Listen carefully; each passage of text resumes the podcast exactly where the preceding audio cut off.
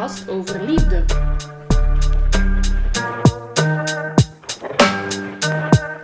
Ik ben Ans. En als je mijn liefdesleven in geluid zou moeten omschrijven, dan klinkt dat een beetje zo.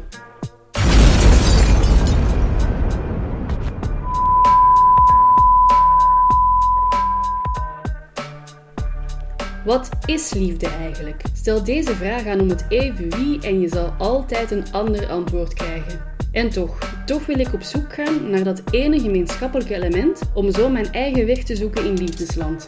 In deze podcast praat ik met mensen over liefde en alles wat daarmee te maken heeft. Ik wil het met hen hebben over relaties, maar ook over de idyllische plekken en landmijnen die je op je parcours d'amour kan tegenkomen.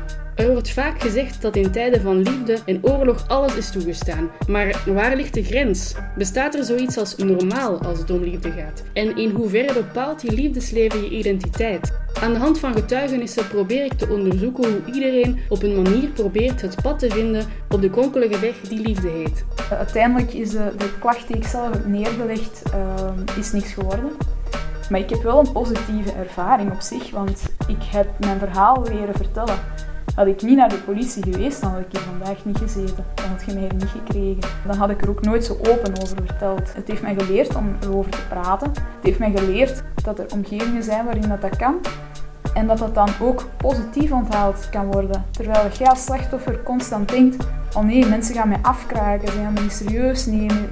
Dat de liefde helaas niet altijd even mooi is, dat heb ik zelf ook al mogen ervaren. Soms is het niet even gemakkelijk om erin te blijven geloven. Je vertrouwen wordt geschaad en je raakt jezelf een beetje kwijt. Ook bij Suzanne liep het mis. Als 16-jarig meisje werd zij misbruikt door haar toenmalig vriendje met alle gevolgen van dien. Ga met me mee op pad langs het parcours d'amour van Suzanne. Mm, mm, mm,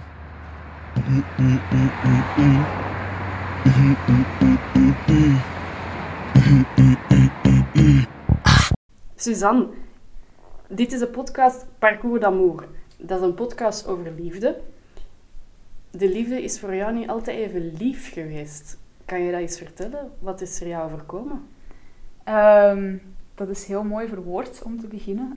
Ik heb, uh, ja, ik, ben, uh, ik heb seksueel misbruik overleefd. Um, ik, ga, ik wil het woord slachtoffer niet in mijn mond nemen, want um, ik probeer dat te, te overstijgen. Um, in principe ben ik dat. Maar ik, ik ben het al die jaren geweest zonder erover te praten of zo. En nu probeer ik het slachtofferschap te overstijgen door eraan te werken en een 2.0 versie van mezelf te creëren. En eigenlijk echt, uh, ik vind zo in, in die terminologie wordt meestal het woord survivor naar voren gebracht. En ik vind mezelf een, een survivor. ja. Eens zenuwachtig. Ja. Hoe komt het? Um, ja, gewoon ja, door, het, door het onderwerp. Want dat is nu eigenlijk de eerste keer dat ik zo open ga praten als er een opnameapparaat in de buurt is. En dat is toch een beetje een andere dynamiek als dat je gewoon ja, bij een psycholoog of zo zit en je weet van wat ik hier zeg, verlaat de kamer niet. Want hier ga je het wel de kamer verlaten. Voor mij is zo de rode draad in zo heel het verhaal zo leren grenzen trekken. En dit is ook een vorm van grenzen trekken. Wat zeg ik wel, wat zeg ik niet, hoe zeg ik het? Ja. Um, dus voor mij is eigenlijk wel een hele goede oefening. Um, om nu direct op uw vraag te antwoorden, wat dat mij is overkomen. Eigenlijk is het een beetje, achteraf gezien, een, een soort kettingreactie van allemaal um, incidenten, slechte relaties, um, dat te maken hebben met trauma. Als je ene keer getraumatiseerd bent, dan blijkbaar um, blijft je uh, slechte mensen aantrekken. Of ja, dan is, als, ik wil niet mensen traumatiseren door dat te zeggen, maar um, ja, het, is voor een stuk als je iemand hè, slecht, een slechte jongen aantrekt, is dat een uitnodiging om aan jezelf te werken. Um, en als je dat niet gaat doen, gaat er opnieuw iemand zijn die je opnieuw uitnodigt om hetzelfde te doen. En tot als dat je beseft van ik moet eraan gaan werken, ga je elke keer opnieuw zo'n uitnodiging krijgen. Mm, mm, mm,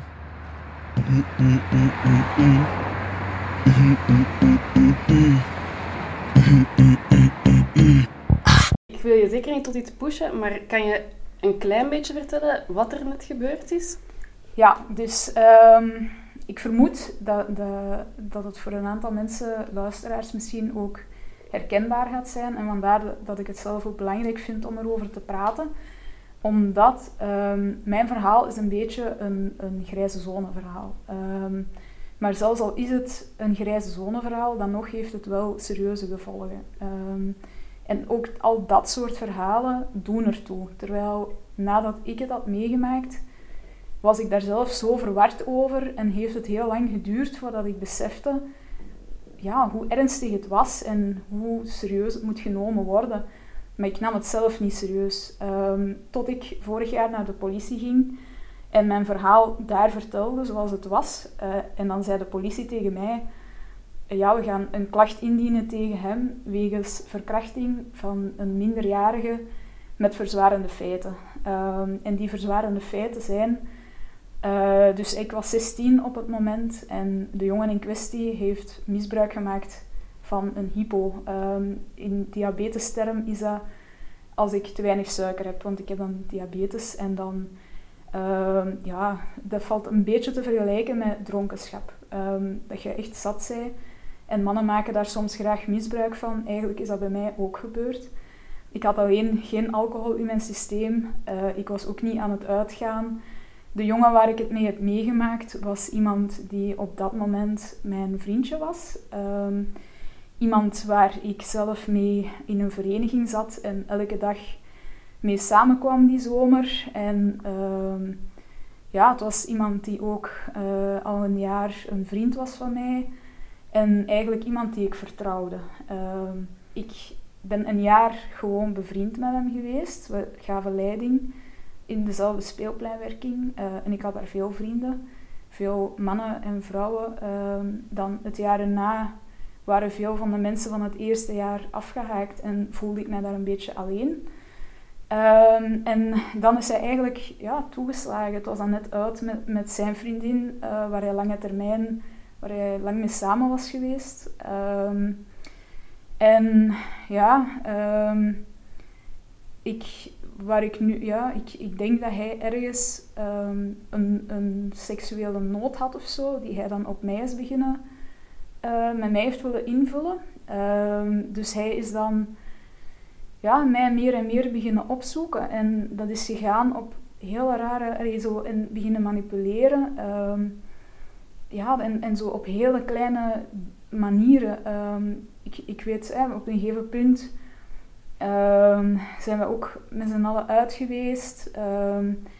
En wou hij per se dat ik zijn lief werd. En ik weet niet of ik het 100% correct vertel, want ik heb echt nog flarden van herinneringen.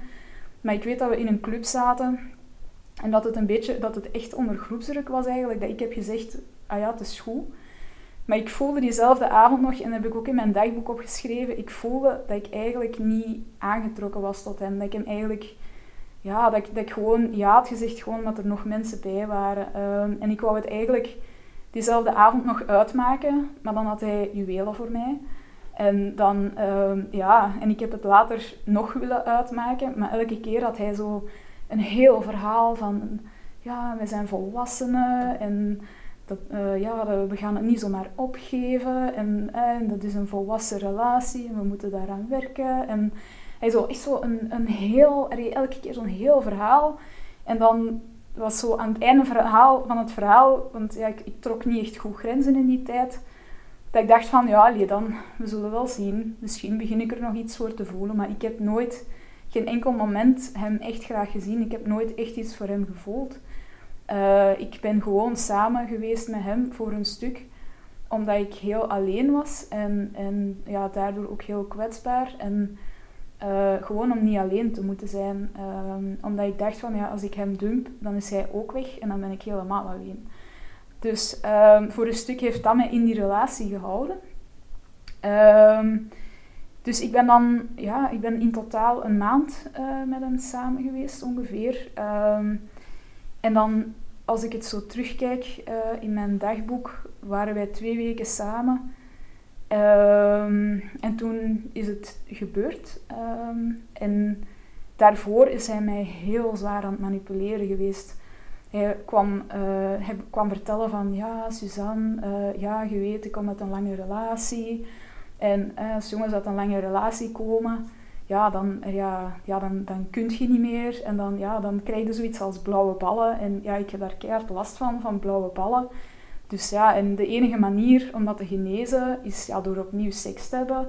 En, uh, en, ja, en dan, ik was dan zo van, ja nee, ik, ik wil dat niet, ik ben daar niet klaar voor. Ik, en dat gaat misschien een beetje gek klinken, maar ik, ben, ik was in die tijd, een paar jaar ervoor was ik zelfs misdienaar, uh, heel katholiek opgevoed. En, uh, en ik wou mij sparen. Ik wou mij echt gewoon sparen voor de juiste en voor een serieuze relatie. En, en ik zag hem zo helemaal niet. Dus ik had heel duidelijk aangegeven, nee. um, en dan op een gegeven moment um, zei hij van, ja, ik, ik, ik heb toch echt wel nood. Um, en ik heb begrepen van nu dat jij niet wil met mij, dat jij daar niet klaar voor bent. Maar ik heb nog andere vriendinnen. En die andere vriendinnen, uh, die, die willen wel seks hebben met mij. Dus als het voor u oké is, hè, als mijn vriendin dat ik seks heb met andere vrouwen, uh, dan ik zou wel graag seks hebben met andere vrouwen dan als jij niet wilt. En ik heb op dat moment heb ik wel doorgehad dat hij mij aan het manipuleren was. En ik was daar een beetje pissed af door. Dus wat heb ik gezegd? Um, en eh, ook weer heel maf, uh, maar wat heb ik gezegd? Ja, dat is goed. Ga maar, heb maar seks met andere vrouwen. Zolang jij met jouw poten van mij afblijft, is het voor mij allemaal oké. Met andere woorden, ik, ik heb echt wel duidelijk gemaakt dat ik niet wou. Dat ik daar niet mee bezig was, dat ik geen interesse had in hem op die manier. En dan, ik, ja, hetgeen dat ik nu vandaag nog altijd niet goed begrijp, is dat hij is blijven manipuleren en zo. Onder andere, we gingen uh, een ijsje eten en hij had getrakteerd. Uh, hij had het ijsje betaald, want ik had niet genoeg, niet genoeg geld bij of zo, ik weet het al niet meer. En ik zei van, ah ja, ik zal u wel terugbetalen. Waarop hij zegt, ik eis alleen terugbetaling in natura. Andere terugbetaling accepteer ik niet. Dus zo de hele tijd zo, ja, van die kleine manipulaties. En dan, ik, ik begrijp zelf niet goed uh, hoe ik gegaan ben van heel duidelijk te zeggen, ik wil dat jij van mijn lijf afblijft. Heb maar seks met andere vrouwen, maar niet met mij.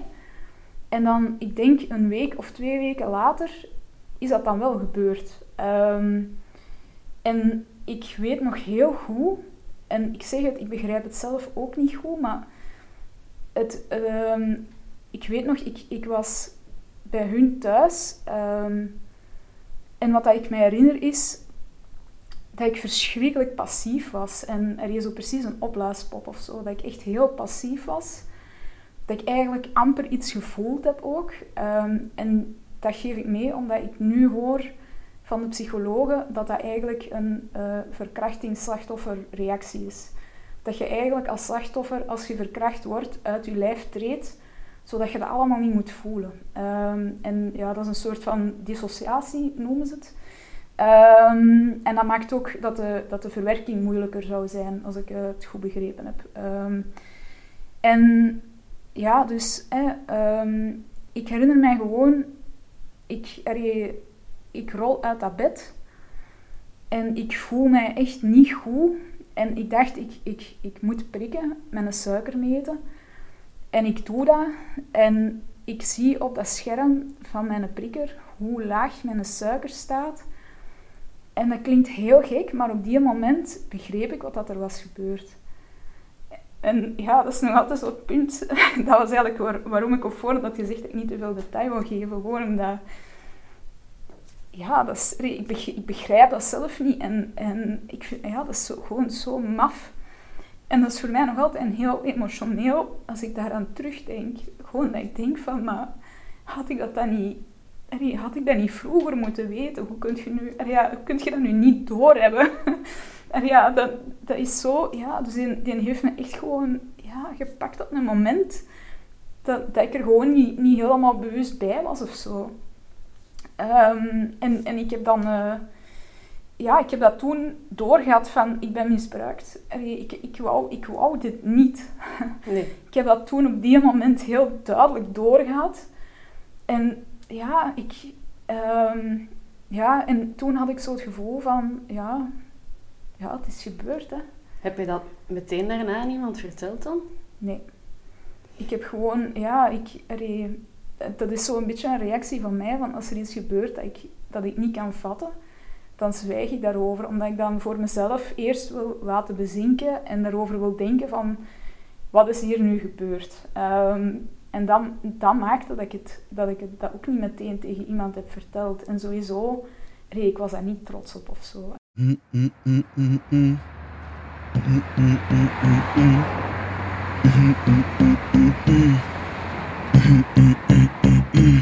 lang heeft het dan geduurd dat je wel iets verteld hebt tegen mensen? Um, het volledige verhaal, 14 jaar.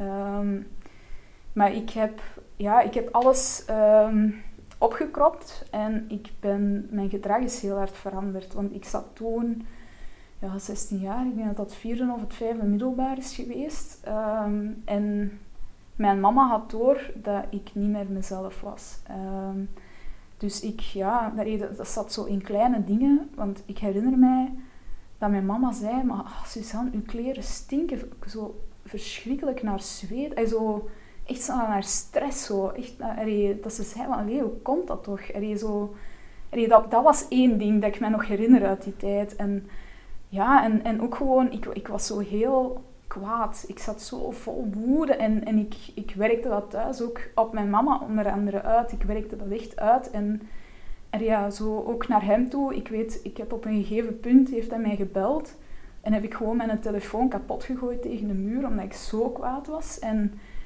ik, dat is niet ik. Ik ben een vredelievende mens. ik, uh, ja, ik, ik, ben niet, ik, ik ben geen agressieveling of zo. En ik, ja, ik heb dat ook sindsdien nooit meer zoiets gedaan. Um, ik, ik heb ook respect voor alle telefoons. en ik, uh, ik behandel mijn telefoons goed, maar toen op die moment... Ik, ik zat zo van binnen met al die woede en dat zat daar allemaal in. En ik werd gewoon de hulk. En dan kwam dat daar ineens kwam dat daar allemaal uit. En dan, ja, ofwel moest ons mama bekopen, of de telefoon, of ja, mijn broer, of er zo...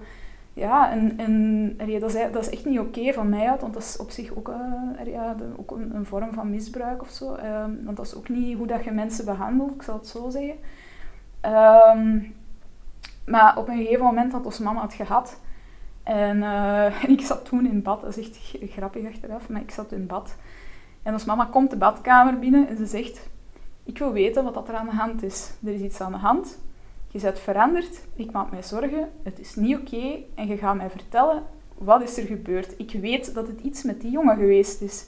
Wat is er gebeurd? En ja, dan kun je niet anders als, uh, ja, als iets zeggen. En ik weet nog dat ik echt zo hard aan het wenen, wenen, wenen. En dat dat dat dat eruit kwam en, en dat ik zei van ja, ik, ja, ik, ik, ik, ik heb ons mama wel verteld van ja, en ik had een hypo en voor ik het wist was dat gebeurd. En, allee, ja, en, en, Voor alle duidelijkheid, dat, dat is geen 14 jaar geleden toch? Hè? Dat is toch... Nee, dat is uh, een half jaar later of zo. Ja, dat, dat is uh, een aantal maanden later alleszins. Uh, maar ik, ik kan er niet, ik kan geen datum of zo, dat weet ik niet meer. Uh, maar ik weet, ja, dus mama was toen heel bezorgd en ik was helemaal veranderd. Ehm, en ja, en ons mama dreigde ermee om met mij naar een dokter te gaan en dan heb ik het gewoon maar verteld. Ehm, maar ik heb haar eigenlijk nooit details gegeven. Ik heb haar pas details gegeven vorig jaar. En ons mama heeft toen vorig jaar gezegd, als je mij dit vroeger had verteld, waren we meteen naar de politie gegaan. maar ook omdat als mama geen details had, ja, heeft ze ook niet die, ja, die klik gemaakt of zo. Of, ze, heeft gewoon niet beseft hoe ernstig uh, dat het was.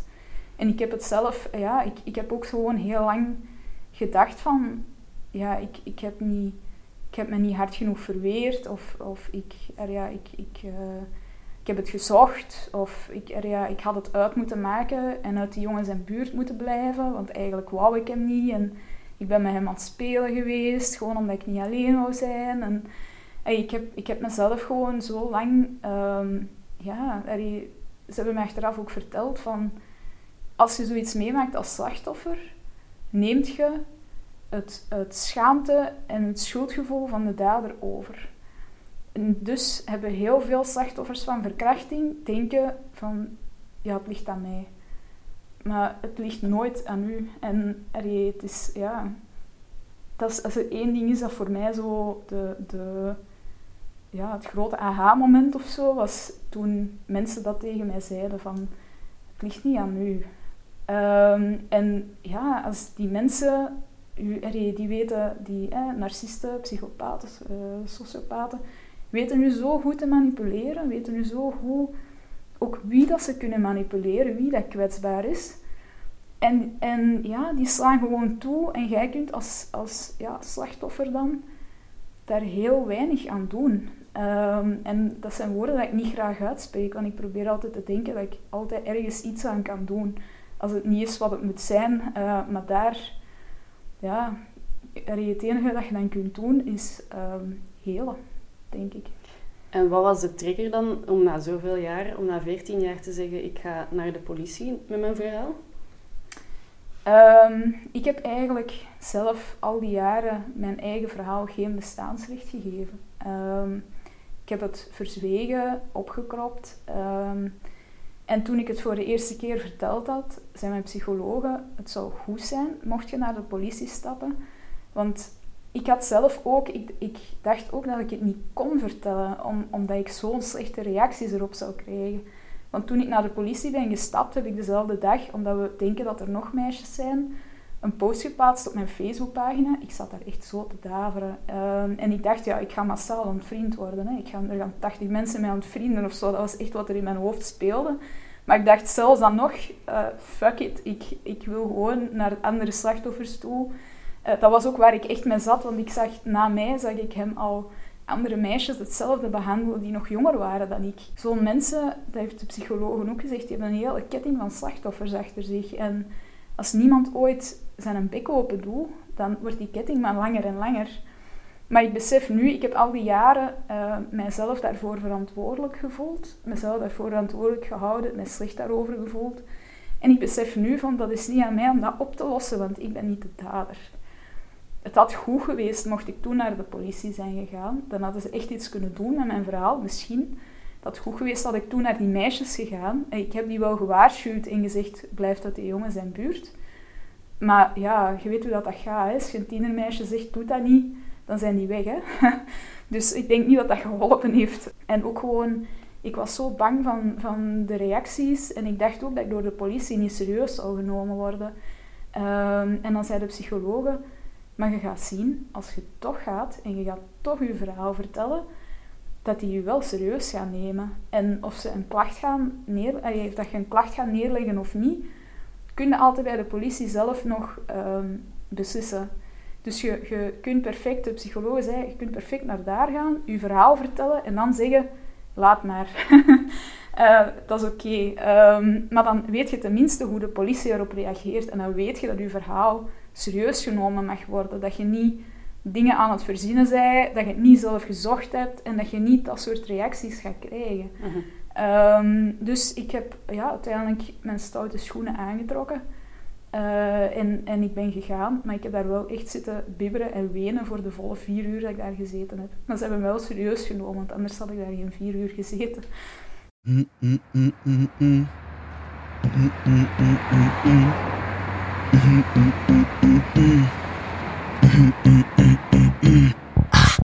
Die heeft niet beseft dat hij mijn leven zo hard zou gaan verkloten. Want zelfs nu vandaag, elke keer als ik, als ik mannen tegenkom, dan komt het terug. Dan, dan schiet ik terug in paniek, want dan zie ik de gelijkenissen. Um, dan, en dan, ja, dan, dan loop ik weg. Dan hoeft het voor mij niet meer. En dat, dat is, ja, op, op, hè, het is op mijn zestiende gebeurd. Ik ben nu 31. Op al die jaren heb ik één succesvolle relatie gehad. En waarom was dat een succesvolle relatie? Omdat die jongen op een gegeven moment tegen mij zei... Ah, wel, Suzanne, als, uh, ik wil, uh, neemt jij maar volledig het initiatief. Ik wil op u blijven wachten. En als jij nooit met mij seks gaat willen, is dat voor mij helemaal oké. En dat vond ik zo knap dat ik dacht, oké, die jongen verdient de kans. En daar ben ik een jaar en twee maanden mee samen geweest op mijn uh, 18e, 19e. Um, maar dan zodra dat dat heel serieus werd, um, herbeleefde ik ehm, wat op mijn, 16, op mijn gebeurd is, elke keer opnieuw. Elke nacht en kwam dat elke zomer terug. Um, dat ook in de zomer is gebeurd. En ja, dat is uh, ja, een posttraumatische stressstoornis. En ja, gewoon intiem zijn met iemand is voor mij een, een enorme trigger.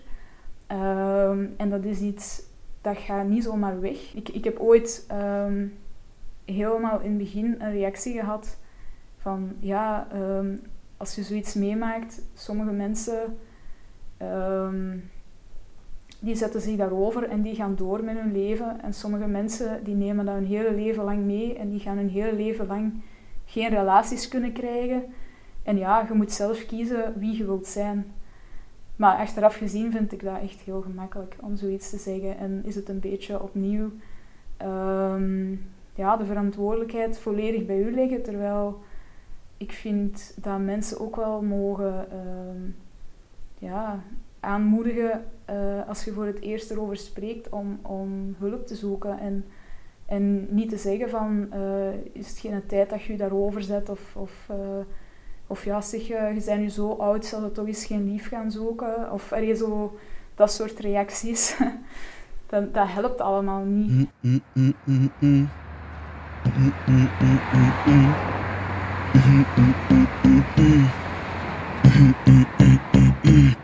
me ook gewoon heel bewust gemaakt in ja, bijvoorbeeld partnerkeuze. Um, ik, ik was vroeger niet heel selectief.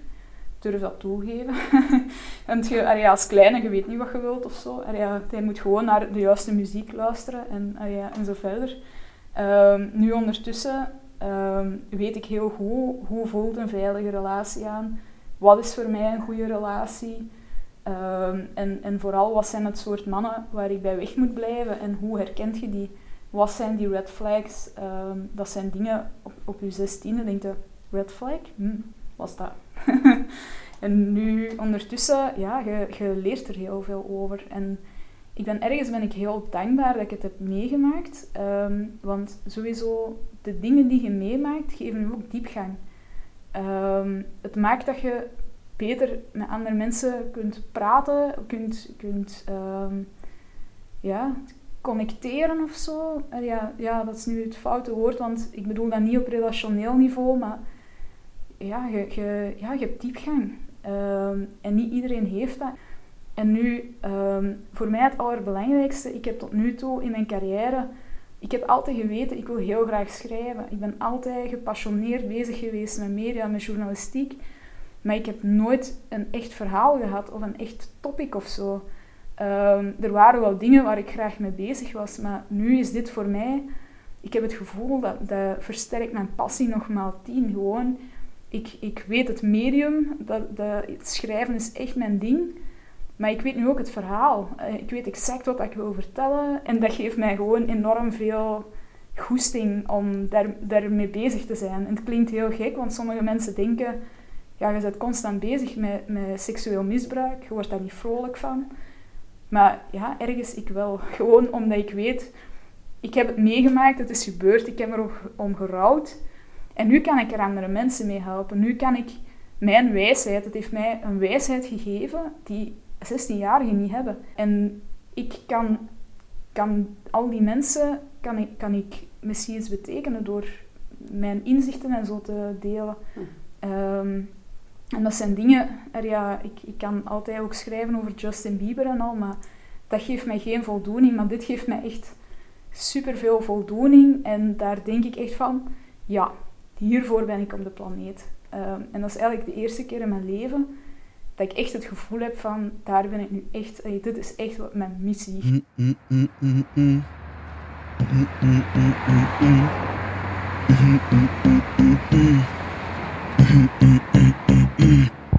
Ondertussen, ja, je bent al even in therapie. Um, hoe zit het met Suzanne en de liefde nu? Hoe sta je er tegenover? Dat is echt een hele goede vraag. dat is ook de eerste vraag waar ik niet meteen een antwoord op heb. Um, ik, zit nu, ik heb het gevoel dat ik nu um, op een, stilaan aan een kruispunt ben. Um, ik heb er bewust voor gekozen. Ik heb, ja, ik heb eigenlijk op mijn 22e beseft van, ik zag het patroon van, ik kom elke keer, om het slecht uit te drukken, rotzakken tegen. Ehm, en ik moet eerst zorgen dat ik, dat ik aan mezelf werk, dat ik herstel, zodat ik die niet meer tegenkom. Dus ik blijf single. Dat is nu tien jaar geleden. Hier en daar is er nog een kleine uitzondering geweest, maar niet noemenswaardig. Um, maar ik ben nu pakweg tien jaar single. Ehm, en ik, uh, ik sta op het kruispunt waar ik kan zeggen van... Ik, ik, ben, ik heb genoeg geleerd, ik ben genoeg geheeld om het wel eens een kans te kunnen geven. Maar tegelijk voel ik ook nog wel... Ehm, ja, ik, uh, dat, dat het mij wel nog, uh, nog raakt. Het emotioneert me nog. Je hebt dat vandaag ook gehoord.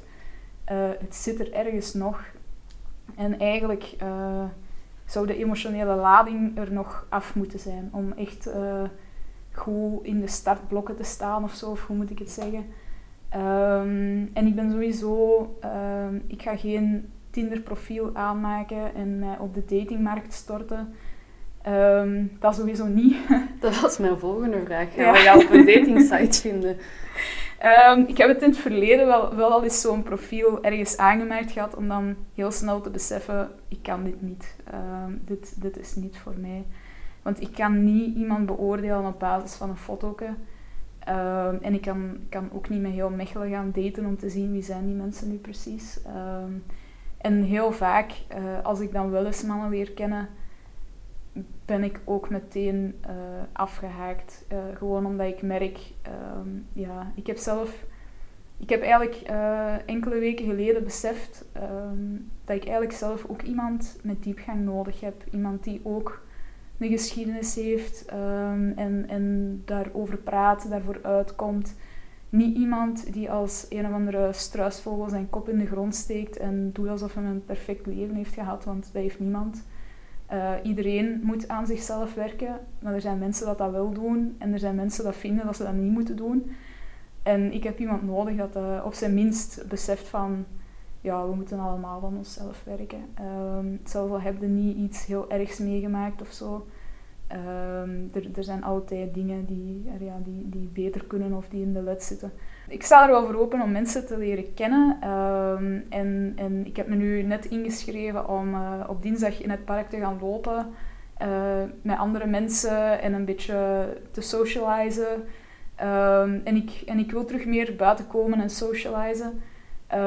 Maar niet met die intentie om een lief te zoeken. Uh, ik, ik vind, en dat vind ik al heel lang, voor mij is liefde niet iets wat dat je zoekt. Liefde is iets wat dat je vindt als je er klaar voor bent.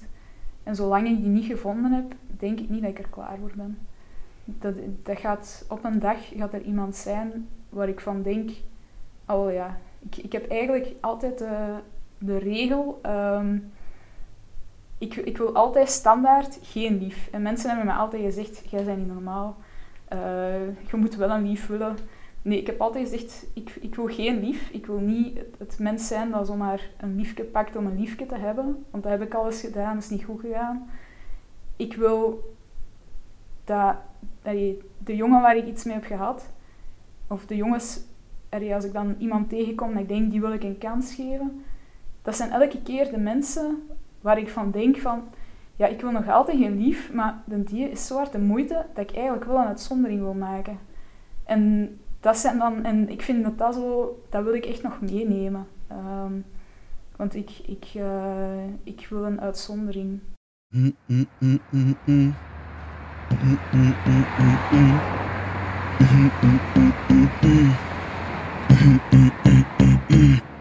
Wat is volgens jou liefde? Het eerste waar ik aan denk is een quote uit The Last Boy Scout, die ik op een gegeven moment jaren geleden op mijn printbord heb gehangen. I believe in love, but I also believe in cancer. Um, en op dat moment vond ik dat vooral grappig eigenlijk. Um, maar ja, het, het, is gewoon, ja, liefde, liefde is gewoon iets dagelijks, iets, iets, uh, ja, iets, iets, iets dat er is. Het kan mooi zijn, maar op zich, ja, die quote, ik heb echt zo in mijn tienerjaren of zo, ik ben echt zo'n tijdje een mannenhater geweest. En toen heb ik die quote op mijn bord gehangen. En die hangt er nog altijd. ben je nu nog een mannenhater? Nee. Nee, en, ik heb een hele goede manager gehad. mijn vorig werk. Een hele lieve man. en die heeft mij toen beseffen dat er ook hele lieve mannen zijn. En sindsdien heb ik alleen maar meer en meer lieve mannen in mijn leven gekregen. En begin ik er meer en meer in te geloven. Eigenlijk is dat wat liefde is. Een soort geloof. Want liefde is niet iets... Ja, je, je kunt het zien op de gezichten van de mensen of zo, maar het is niet echt iets tastbaars. Ehm, dus het is, het is iets... Liefde is iets dat je alleen maar kunt hebben als je erin kunt geloven. Um, en ik heb nu, mijn broer is vandaag toevallig in Mechelen en daar straks heb ik het met hem er ook nog over gehad. Je, eigenlijk kun je alles in het leven en ook liefde kunnen herleiden tot twee dingen. Je hebt altijd twee pistes. Ofwel heb je angst en trekt je negativiteit aan. En dat is eigenlijk hoe ik tot nu toe altijd in liefde heb gestaan. Ik heb altijd bang gehad om opnieuw hetzelfde mee te maken of ik heb altijd gezocht naar de gelijkenissen met de jongen van vroeger. Uh, ja, en heel snel, ik heb altijd alles heel snel gedaan gemaakt van het moment ik één alarmbelletje zeg. Maar eigenlijk is er ook een andere piste en dat is gewoon vertrouwen. En als je vertrouwt, dan trekt je meer en meer positiviteit aan, waardoor je nog meer redenen krijgt om te vertrouwen. En die weg van angst, die, die maakt u ja, zieker en zieker, negatiever en negatiever. En ik wil zo niet leven. Dat, dat is eigenlijk waarom ik alles doe wat ik uh, de afgelopen twee jaar gedaan heb. Ik, ik, uh, ik wil daaruit. Ik, ik wil kunnen vertrouwen en, en ik wil kunnen opbouwen en ja, daarin kunnen geloven. En, en het is pas als je dat kunt, denk ik, dat je echt iemand aantrekt die, ja, waar, waar dat je echt mee verder kunt en waar je echt iets mee kunt opbouwen. En, en dat je samen een mooi leven kunt hebben. Ehm, dus eigenlijk, uh, als ik het samenvat, is liefde vertrouwen. geloof en vertrouwen. Ben je gelukkig op dit moment? Ja, ja, ik ben wel, um, want ik, ik zie zo heel vaak ook quotes, ik hou van quotes. Uh, en een van de quotes die ik heel vaak zie is um, dat, dat je, wacht, hoe zeggen ze het nu weer? Dat je, dat je pas um, goede relaties of echt liefde kunt aantrekken als je zelf in je eentje al uh, gelukkig bent. Dat je niet op zoek bent naar iemand anders om, om een plek in te vullen of zo. Uh, en elke keer als ik zo'n quote zie passeren, dan denk ik, check ik, uh, ja, ik ben echt wel... Um, ik ben content. Ik, ik, ik heb mijn eigen leven, mijn eigen appartement. Um, ik, ik doe sporten die ik graag doe. Ik heb mensen... Um, ja, want liefde. En nu ook. Liefde gaat altijd om partnerrelaties. Maar eigenlijk is voor mij... zijn mijn vriendschapsrelaties mijn bronnen van liefde geweest. mijn beste vriendinnen zijn, zijn als zussen. Ehm, mijn beste vrienden zijn, zijn ja, broers of zo. Of, ja. en, en ja, die, voor mij zijn die, ja, die, zijn die echt super belangrijk. En um, zolang als ik, als ik uh, zo'n vrienden in mijn leven heb, um, dan denk ik dat ik wel gelukkig ga zijn. Oké, bedankt voor dit gesprek. Ja, graag gedaan. Dit was Parcours d'Amour, een podcast van mezelf, Ans de Bremme. Met speciale dank aan iedereen die openhartig een verhaal deed, de stad Mechelen, Evita Nocent en de collectivisten, Wederik de Bakker en Conventus. De muziek is van Oude Zak.